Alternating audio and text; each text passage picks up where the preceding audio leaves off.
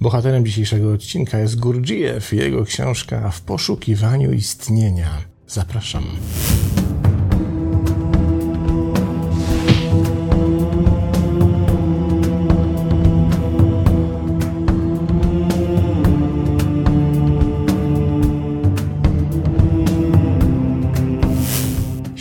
Książkę Gurdjieffa z dwóch powodów. Pierwszy wydaje się oczywisty. Książka ukazała się w świecie zachodnim w 2012 roku i do tej pory nie ujrzała światła dziennego na polskim rynku wydawniczym. A oczywiście jest to niezwykle wartościowa pozycja. A drugi powód jest nie mniej prozaiczny. Otóż czasem w mailach dostaję takie pytanie: kto był moją największą inspiracją na drodze własnego rozwoju i formułowania pewnego rodzaju oglądu świata, który prezentuje m.in. w swoich mini wykładach. I oczywiście nie ma tutaj jakiegoś jednego faworyta, ale gdybym miał stworzyć takie top 10, listę 10 nazwisk, które na mnie zrobiły największe wrażenie i zdaje się, że wywarły największy wpływ, to zdecydowanie kolega Gurdziejew znajduje się w tej dziesiątce. Okej, okay. zacznijmy standardowo od tego, by w skrócie ponieważ jego biografia to w ogóle osobny temat, pewnie na osobny odcinek, ale w skrócie przedstawić, kim jest rzeczony kolega Gurdjieff. Urodzony na Kaukazie w rodzinie kaukaskiego Greka i Ormianki. Pisał, że swoje młode dorosłe lata spędził na poszukiwaniu wiedzy ezoterycznej w wyprawach od Grecji i Egiptu, przez Bliski Wschód po góry Hindukuszu i Tybetu nie ujawnił źródeł, które zbadał, a jedynie niejasno mówił o byciu w chrześcijańskich i tybetańskich klasztorach, a także w szkołach sufickich we wschodniej Persji. Rzeczywiście ujawnił kilka faktów o swoich podróżach i doświadczeniach, mimo to wykazał się niezwykłą pomysłowością, przetrwaniu i umiejętnościami w odgrywaniu ról i przebieraniu się i znany był z podróży po Azji Środkowej w tym z kilku wypraw do Tybetu, kraju zamkniętego wówczas dla zagranicznych gości. Działania te przekonały w końcu brytyjski wywiad, że był tajnym agentem rządu carskiego. W 1917, aby uciec przed przemocą rewolucji rosyjskiej, Gurdzijew przeniósł się na Kaukaz i spędził lato w Jesentuki z Uspieńskim i tuzinem swoich najbliższych uczniów. Gurdzijew ruszył potem dalej z garstką zwolenników, unikając konfliktu armii i ostatecznie przybył do Tyflisu na początku XIX roku, 1919 roku oczywiście, gdzie ogłosił założenie Instytutu Harmonijnego Rozwoju Człowieka.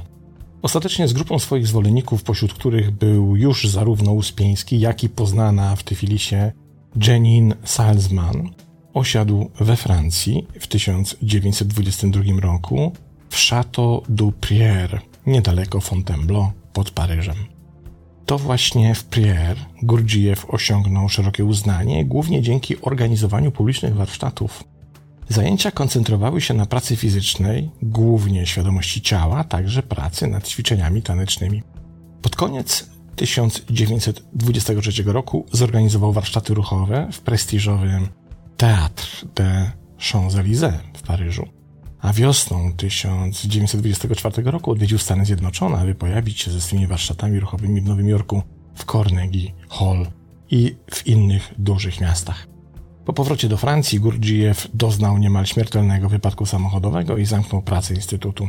Przez następne 10 lat całą energię poświęcił na pisanie trylogii o życiu człowieka zatytułowanej All and Everything. Celowo nie tłumaczę na polski, bo myślę, że na tłumaczeniu ten tytuł by stracił, której nigdy nie skończył i której fragmenty pojawiły się drukiem po jego śmierci w różnych pracach jego autorstwa, w tym m.in. w opowieściach Belzebuba dla wnuka.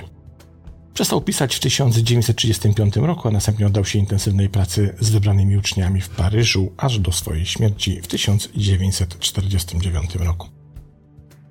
Gurdjieff to postać niezwykła, która włożyła nie dający się przecenić wkład w rozwój myśli psychologicznej, którą znamy dzisiaj, mimo że sam Gurdjieff rozróżniał wiedzę o psychologicznym funkcjonowaniu człowieka pomiędzy coś, co nazywał psychologią zwykłą, a czymś, co nazywał psychologią właściwą, czy też głęboką albo rzeczywistą. W każdym razie warto pamiętać, że modele Gurdjieffa, do których dzisiaj sięgniemy, powstały 100 lat temu. I mimo to, że wydawałoby się, że są już tak wiekowe i stare, wciąż są aktualne i wciąż możemy skorzystać z ich potężnej sprawczości i tego, co nam dają, nie tylko w zrozumieniu tego, w jaki sposób funkcjonujemy, ale przede wszystkim tego, jak możemy nasze problemy rozwiązać. Problem z Gurdjieffem jest taki, że to, co wiemy o jego modelach, wiemy tak naprawdę z dwóch źródeł. Jedno istnieje w języku polskim, zostało przetłumaczone na język polski, więc pierwsze źródło to są zapiski jego jednego z wierniejszych uczniów, Piotra Uspińskiego. W Polsce ta książka nosi tytuł Fragmenty nieznanego nauczania. Tyle, że tam mamy do czynienia z interpretacją, czyli z tym, w jaki sposób Uspieński interpretował wiedzę otrzymaną od Gurdjieffa. I okej, okay, tego się nie da inaczej zrobić, no bo żeby tam nie było interpretacji obcej osoby, musieliśmy mieć do czynienia z zapiskami samego Gurdjieffa. Drugim źródłem naszej wiedzy na temat tego, co też kolega Gurdjieff mógł mieć na myśli, jest Janine Salzman. To jest pani, która towarzyszyła Gurdjieffowi wraz ze swoim mężem Salzmanem przez wiele, wiele ostatnich lat jego życia w Paryżu, a dokładniej mówiąc pod Paryżem, i której właściwie na łożu śmierci Gurdjieff przekazał prawa autorskie do wszystkich swoich zapisków. Co więcej, powiedział jej, że ma jeszcze żyć 40 lat po jego śmierci, po to, by w maksymalny możliwy sposób tę wiedzę rozprzestrzenić po świecie. I tak się stało. Pani Salzman zmarła w roku 1990, czyli dokładnie właściwie 40 lat po śmierci Gurdjieffa, któremu się odeszło z tego świata w 1949 roku. Ale również w przypadku książki Salzman, tym razem nieistniejącej na rynku polskim i która miała tytuł Rzeczywistość istnienia, też mamy do czynienia z interpretacją tego, co Gurdjieff nam mówił. W związku z czym to, co wiemy, zawdzięczamy tak naprawdę temu, co wynieśli z wiedzy Gurdjieffa, Uspieński oraz Salzman. I wreszcie docieramy do tejże książki, która okazała się zupełnie niedawno, bo w tej historii 10 lat to mgnienie oka, która złożona jest z zapisków samego Gurdjieffa, zatem nie mamy już interpretacji ani Uspieńskiego, ani Salzman, mamy Gurdjieffa w czystej postaci. No i tu jest kolejny problem, bo musimy przebrnąć teraz przez naszą własną interpretację języka opisywania psychologii człowieka sprzed 100 lat. Ale kiedy już przebrniemy przez tę interpretację, to możemy uzyskać wiele, wiele perełek. Zacznijmy zatem od pierwszego fragmentu i właściwie pierwszego modelu. Wiedza o rzeczywistości, pisze Gurdjieff, prawdziwa wiedza bytu, jest strumieniem płynącym z odległej starożytności, przekazywanym z wieku na wiek, od ludzi do ludzi, od rasy do rasy. Była znana powszechnie w wielkich ośrodkach inicjacji w Indiach, Asyrii, Egipcie, Grecji, które oświetlają świat jasnym światłem. Wiedza ta jest niezbędna do osiągnięcia wewnętrznego wyzwolenia. Wielka wiedza jest zawsze ta sama, ale forma, w jakiej jest wyrażana, zmienia się w zależności od miejsca i epoki. Podobnie jak język, który ewoluował przez wieki, forma jest ledwo zrozumiała dla kolejnych pokoleń. Przebić się do tego strumienia wiedzy, znaleźć go, oto zadanie i cel. Szukaj. Albowiem, odnalazłszy ją, człowiek może śmiało powierzyć się drodze, którą zamierza kroczyć. Wtedy pozostaje już tylko wiedzieć, żeby być i robić. Zasada samopoznania jest jasna. Aby wiedzieć, trzeba dowiedzieć się, jak wiedzieć. Spróbuj po prostu chwycić tę zasadę, by zrozumienie stawało się coraz głębsze. W tej nauce pierwszą zasadą jest to, że niczego nie należy brać na wiarę. Nie należy wierzyć w nic, czego nie można zweryfikować na samym sobie. Ten system nazywam ezoterycznym chrześcijaństwem. Na przykład prehistoryczny Egipt był chrześcijański na wiele tysięcy lat przed narodzeniem Chrystusa, bo jego religia opierała się na tych samych zasadach i ideach, które stanowią prawdziwe chrześcijaństwo. Tak samo można ten system nazwać ezoterycznym buddyzmem, bo powstał wiele tysiącleci przed pojawieniem się na Ziemi Gautamy Buddy. To system, który jest możliwy do odkrycia przez poszukiwaczy prawdy i który nazywam czwartą drogą. I o co chodzi z tą czwartą drogą, która, która to nazwa bardzo często pojawia się w kontekście Gudzijewa, szczególnie za sprawą wykładów Uspieńskiego, który ten po rozstaniu z Gurdjijewem propagował na całym świecie. Otóż Gurdjijew mówił, że istnieje taki model życia, jakby przejścia przez życie, którym możemy kroczyć i który daje nam alternatywę wyboru jednej z trzech dróg. Pierwszą drogą jest droga fakira. To jest taka droga, w której najważniejsze jest opanowanie ciała fizycznego czyli droga, w której doświadczamy wszystkiego tego, co jest związane z naszą fizycznością i tym się kierujemy. Potem mamy drogę mnicha. To jest taka droga, w której nasz rozwój powierzamy wierze religijnej, jakimś uczuciom religijnym, jakiejś sile wyższej. Stąd droga mnicha. I w końcu trzecia droga to droga jogina, czyli taka droga, w której posługujemy się w naszym rozwoju wyłącznie rozumem i zawierzamy własnemu umysłowi i rozumowi, czyli tym wszystkim możliwościom kognitywnym, których doświadczamy i do których jesteśmy gotowi. I Gurdziew utrzymywał, że większość ludzi podąża jedną z tych trzech dróg, ale istnieje jeszcze czwarta droga, dużo właściwsza od wszystkich trzech branych pojedynczo. Ta czwarta droga to jest droga pełnej harmonii, zrównoważenia i balansu pomiędzy tymi trzema pozostałymi drogami. Czyli mówiąc inaczej, to droga takiego wzrastania, w której nie pomija się żadnej z tych dróg i pozwala się na to, a raczej reguluje się własnym rozwojem w taki sposób, by wszystkie te drogi były w naszym życiu nie tylko obecne na takich samych zasadach, ale również by kroczenie przez rozwój w tych drogach było zharmonizowane, bo one się rozwijały równocześnie. I teraz zobaczmy, przekładając to oczywiście na współczesne czasy i współczesny język rozumienia naszego ludzkiego rozwoju. Jak często uznajemy w naszej kulturze, że na przykład ciało nie uczestniczy w naszym rozwoju duchowym. Jak często uznajemy, że nasz rozwój związany jest wyłącznie z rozwijaniem umiejętności kognitywnych, poznawczych, intelektualnych, rozumowych. Jak często uznajemy, że nasz rozwój może przejść do przodu, może się dokonywać za pomocą jakiejś uduchowionej wiary w instancję wyższą, dowolnego Boga, dowolny dogmat religijny itd. Tak Grudziew mówi, kiedy podążysz jedną z tych dróg, w której pominiesz ciało, to daleko nie zajdziesz. I najlepszym przykładem na to, jak celne jest to spostrzeżenie, jest medytacja. Nie da się tak naprawdę nie skorzystać z ciała, by nauczyć się prawidłowego procesu medytacji. Nie da się nie uwzględniać ciała w medytacji. Ciało w procesie medytacji odgrywa niezwykle istotną rolę. To przez ciało jesteśmy w stanie uświadomić sobie całej sensoryki tego, co się dzieje na zewnątrz nas. I to poprzez ciało jesteśmy w stanie doświadczać obecności w tu i teraz. Nie da się tego odłączyć.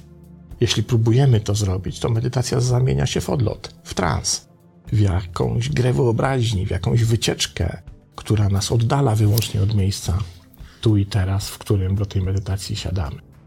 Jak przyjrzymy się temu modelowi, to zobaczymy, że ta czwarta droga, o której mówi Gurdjieff, jest jakby drogą najpełniejszą. Ona jest drogą holistyczną. Ona mówi: Jesteś holonem, jesteś jedną przepotężną całością I jeśli chcesz dokonywać zmian w swoim życiu, chcesz rozwijać się w swoim życiu, to musisz brać pod uwagę wszystkie swoje aspekty, wszystkie możliwe holistyczne składowe, które cię tworzą. Jeśli pominiesz choć jedną, to twój rozwój albo będzie niepełny, albo utkniesz w miejscu, albo nie spowoduje specjalnych zmian, których możesz doświadczyć w ciągu życia. Jak się okazuje, coś, co pojawiło się sformułowane przez Gurdjieffa przed 100 laty, a pewnie jest wiele, wiele starsze, to dzisiaj może być niesamowicie aktualne. Posłuchajmy dalej. Kolejny model. Pierwsze fundamentalne prawo to prawo trzech zasad lub trzech sił, które określa jedność i różnorodność w całym wszechświecie. Zgodnie z tym prawem, często nazywanym prawem trzech, każde zjawisko na jakąkolwiek skalę i w jakimkolwiek świecie, od molekularnego po kosmiczny, jest wynikiem interakcji trzech różnych i przeciwstawnych sił. Myśl współczesna uznaje istnienie i konieczność wyłącznie dwóch sił do wytworzenia zjawisk: siły prącej i siły oporu. Biegunowości dodatniej i ujemnej, prądów dodatnich i ujemnych itd. Tak Ale pogląd ten nie przewiduje dwóch sił w każdym zjawisku ani nie dopuszcza nawet istnienia trzeciej siły składowej. Według starożytnej nauki jedna lub dwie siły nie wystarczają do wytworzenia zjawiska. Musi być obecna trzecia siła, bez której dwie pierwsze nigdy niczego nie wytworzą. Ta nauka o trzech siłach leży u podstaw wszystkich starożytnych systemów. Pierwszą siłę można nazwać aktywną lub pozytywną, drugą pasywną lub negatywną, trzecią neutralizującą. Ale to tylko nazwy i w rzeczywistości wszystkie trzy siły są jednakowo aktywne. Pojawiają się jako aktywne, pasywne lub neutralizujące dopiero w miejscu ich przecięcia, to znaczy przyjmują te funkcje tylko w stosunku do siebie i tylko w określonym momencie czasu. Wystarczy zrozumieć ogólną zasadę, że każde zjawisko jakiejkolwiek wielkości nieuchronnie reprezentuje przejawy trzech sił i nie może być wytworzone przez jedną lub dwie siły. Ilekroć obserwujemy, jak akcja się zatrzymuje lub nieustannie się waha, możemy powiedzieć, że w danym momencie brakuje trzeciej siły. Koncepcja jedności trzech sił w absolucie stanowi podstawę wielu starożytnych nauk, w tym współistotnej i niepodzielnej trójcy chrześcijaństwa oraz Trimurti Brahmy, Wisznu i Shivy w hinduizmie. Poza absolutem te trzy siły obejmują trzy wolę, świadomość i jedność. Każda z tych trzech sił nosi w sobie potencjał do działania w charakterze dwóch pozostałych, ale w miejscu ich spotkania manifestuje się tylko jedna zasada aktywna, bierna lub neutralizująca. To w tych punktach łączą się, tworzą trójcę, która tworzy świat podlegający działaniu trzech sił. Na pierwszy rzut oka nie do końca wiadomo o co chodzi, więc przydałoby się wyjaśnienie tych prehistorycznych słów wypowiedzianych przed stu laty. O co chodzi tak naprawdę z tą trzecią siłą?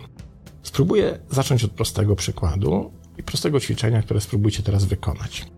Proszę, złóżcie ręce dwie przed sobą w taki oto sposób i spróbujcie z całej siły jedną ręką naciskać na drugą, prawą na lewą i lewą na prawą.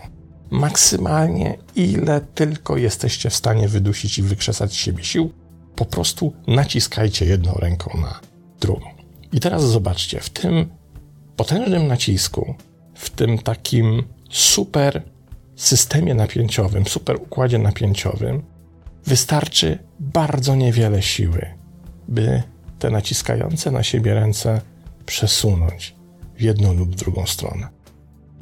To jest właśnie trzecia siła. To jest trzecia siła, która zazwyczaj umyka naszej uwadze, bo ona związana jest z tym, w jaki sposób jesteśmy w stanie dany układ utrzymać w równowadze. Kiedy z jednej strony mamy siłę napierającą, atakującą, a z drugiej strony siłę oporującą, to wykorzystanie trzeciej siły już nie wymaga od nas wielkiego wysiłku, żeby delikatnie korygować całość tego układu. To trochę przypomina Segwaya, czyli to urządzenie z dwoma kółkami, które porusza się, a właściwie pionizuje się dzięki pracy żyroskopów. Nawet nie dostrzegamy tego, w jaki sposób żyroskop utrzymuje ja w pionie. A tam jednak działa ta trzecia siła neutralizująca wychył w tą czy wychył w drugą stronę. I Gurdjieff mówi, że ta trzecia siła jest obecna w naszym życiu tyle, że nie przykładamy do niej wagi, bo umyka naszej koncentracji, umyka naszej uwadze, a ona jest kluczowa, bo ona powoduje, że jesteśmy w stanie w tym naszym życiu meandrować pomiędzy tym, co nas pcha do przodu, a tym, co nas zatrzymuje, pomiędzy tym, że idzie nam się lekko, a tym, że czasem trafiamy na przeszkody, pomiędzy tym, że coś nam się udaje, a coś nam się nie udaje. Wystarczy skoncentrować się na tej trzeciej sile, a ona, wymagając bardzo niewielkiego wysiłku, może spowodować, że życie zacznie się układać w zrównoważony, harmonijny sposób i nie trzeba walczyć, nie trzeba podejmować strasznego wysiłku, strasznych wyzwań, żeby sobie w tym życiu tę ścieżkę wyżłobić, żeby sobie ją obrać, żeby z niej skorzystać. Do tego potrzebna jest wyłącznie świadomość trzeciej siły. To dzięki tej sile wiesz, kiedy wyhamować, a wiesz, kiedy przyspieszyć. Wiesz, kiedy zatrzymać układ. Wiesz, kiedy pójść dalej. Wiesz, kiedy odpocząć. Wiesz, kiedy na chwilkę się wycofać i zmienić kierunek. Te niewielkie korekty wymagają od nas niewielkiego wysiłku, ale są niezwykle istotne, żeby to życie było zharmonizowane. Jak się przyjrzymy temu modelowi, to okazuje się, jak mówił Gurdjieff przed 100 laty, że jest obecny wszędzie. Kolejny model dla mnie absolutnie niezwykły i zachwycający. Posłuchajmy. Każdy człowiek składa się z dwóch części: istoty, rodzaju esencji i osobowości. Istota danej osoby jest jej własnością. Jej osobowość jest tym, co nie jest jej, to znaczy tym, co tak naprawdę do niej nie należy, ponieważ nabyła ją z zewnątrz. Obejmuje to całą wiedzę zdobytą podczas uczenia się lub refleksji, wszelkie ślady zewnętrznych wrażeń w pamięci, słowa i ruchy, które zostały wyuczone, uczucia stworzone przez naśladownictwo. Wszystko to, co tak naprawdę do niej nie należy, nie jest jej. Wszystko to jest osobowością. Oczywiście ten podział na istotę i osobowość nie jest rozpoznawany w zwykłej psychologii. Małe dziecko jest tym, czym naprawdę jest, mimo że jeszcze nie wykształciło osobowości. Jest esencją, a jego pragnienia, gusta, upodobania i antypatie odzwierciedlają jego istotę taką, jaką jest.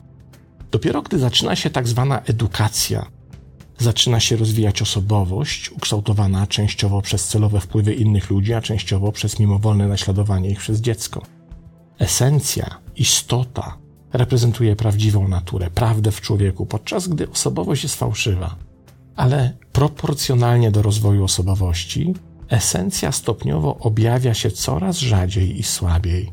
Wyższa kultura tworzy osobowość i jednocześnie jest przez osobowość wytwarzana.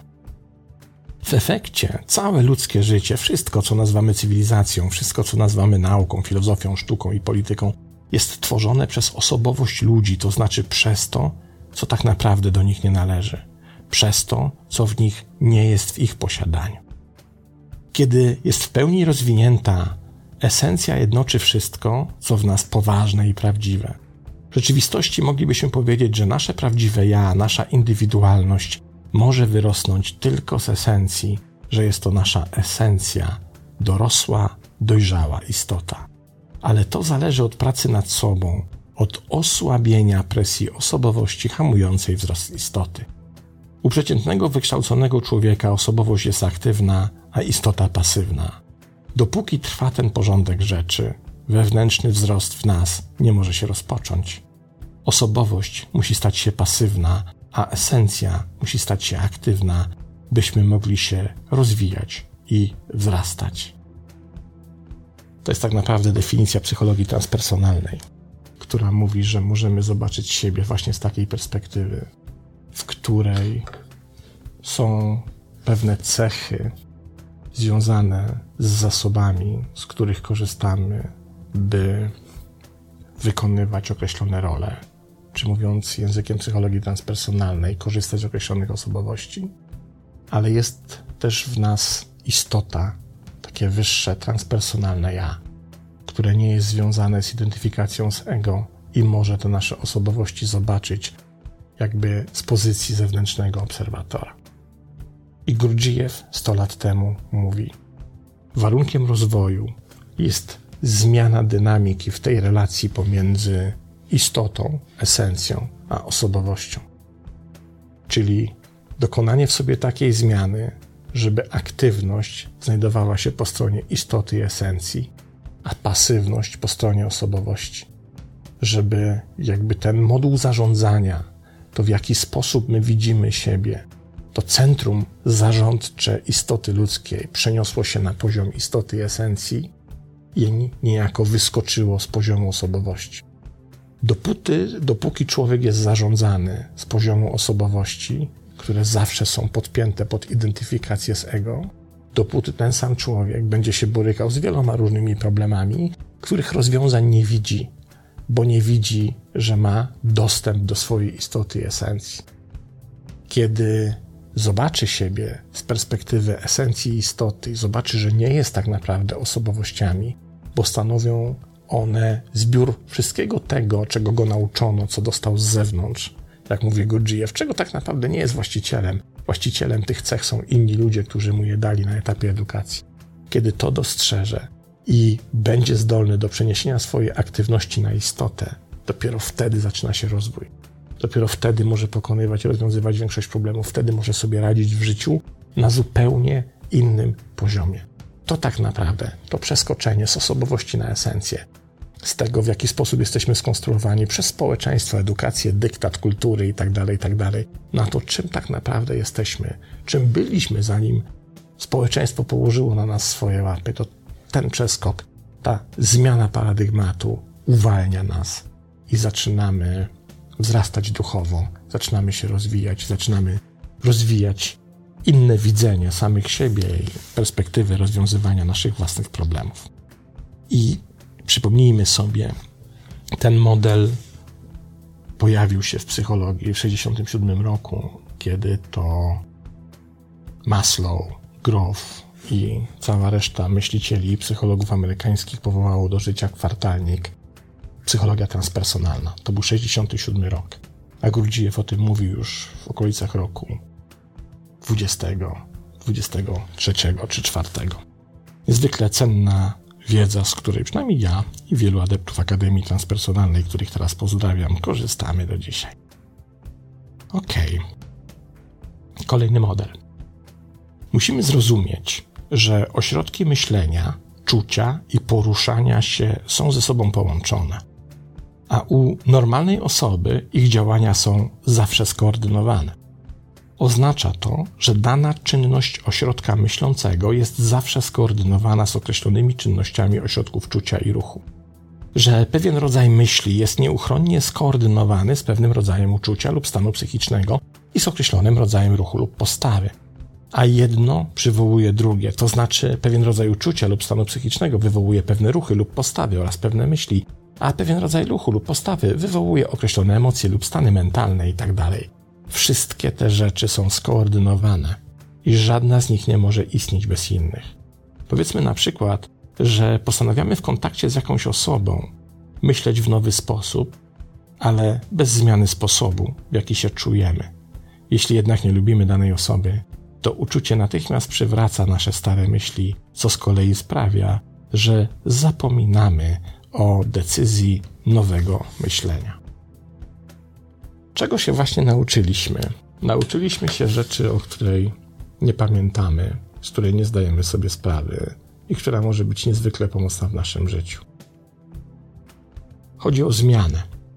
Otóż zazwyczaj wydaje nam się, że żeby zmienił się stan nasz emocjonalny, czyli na przykład, żebyśmy z osób niespełnionych i smutnych stali się osobami spełnionymi i szczęśliwymi to żeby taka zmiana w nas nastąpiła na poziomie emocjonalnym, musimy dokonać zmiany w życiu. Nie wiem, wyjechać do pięknych, ciepłych krajów, zmienić okoliczności przyrody, przeprowadzić się do nowego mieszkania, zmienić pracę, zmienić relacje itd., tak itd. Tak to nas uszczęśliwi i w efekcie tych zmian, które dokonamy w życiu, staniemy się osobami doświadczającymi innych emocji, lepszych, fajniejszych, bardziej pozytywnych.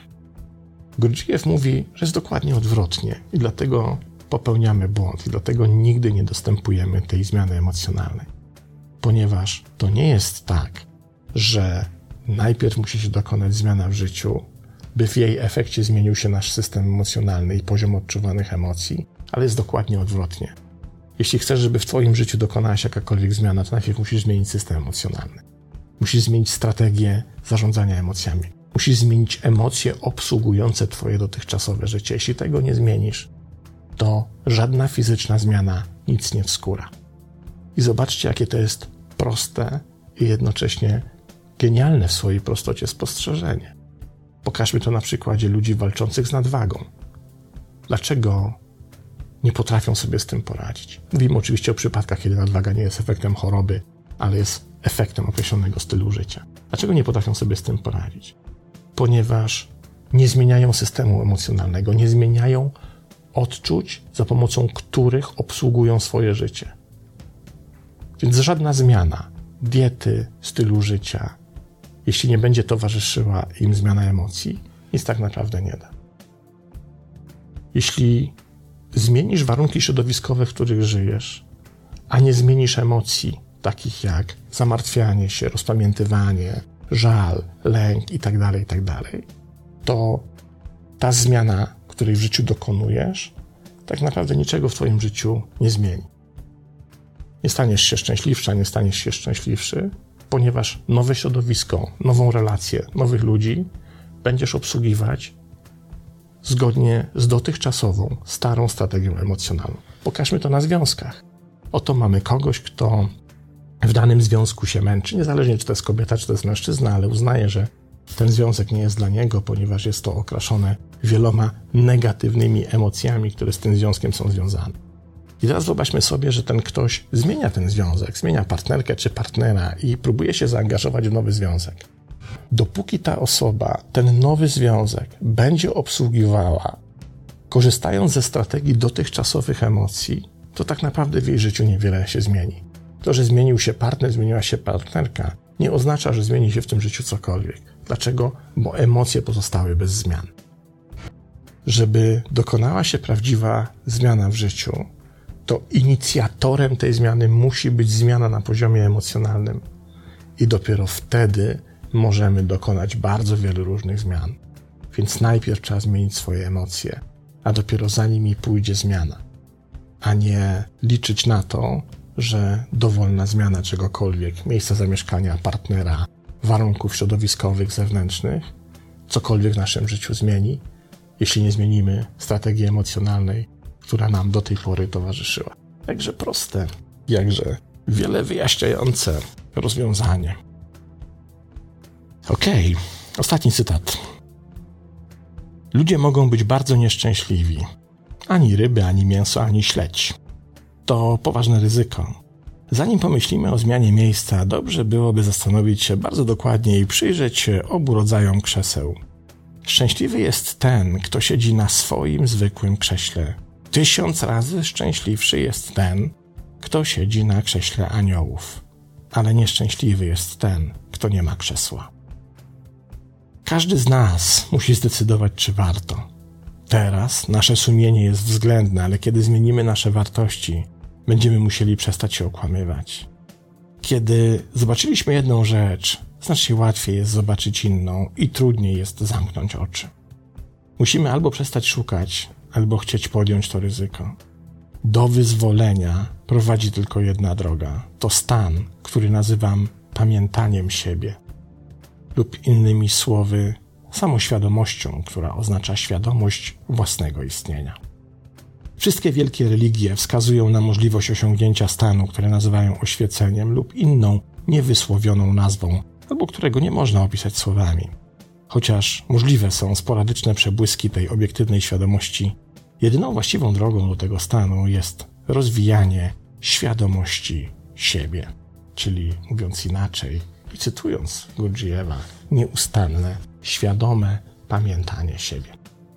I na koniec jeszcze przeczytam wam, jak się Gurdjieff przedstawił sam. I niech to sobie z nami zostanie. Fragment ten pochodzi z książki Opowieści Belzebuba dla wnuka od razu mówię, duża cegła, trudna lektura.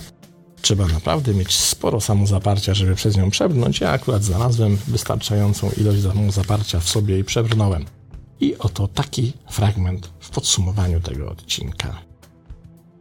Ten, którego w dzieciństwie nazywano tatach, we wczesnej młodości smagły, a później czarny Grek, w wieku dojrzałym tygrys Turkestanu, a obecnie już nie byle kto, lecz prawdziwy monsieur lub mister Gurdziew, czy też bratanek księcia muchrańskiego, albo na koniec po prostu nauczyciel tańców. I z tym zostańmy z naszym nauczycielem tańców. Bardzo niesamowita lektura. 2012 rok, książka według zapisków Gurdzijewa, czyli której jest pełnoprawnym autorem w poszukiwaniu istnienia. To tyle. Pozdrawiam i do następnego razu.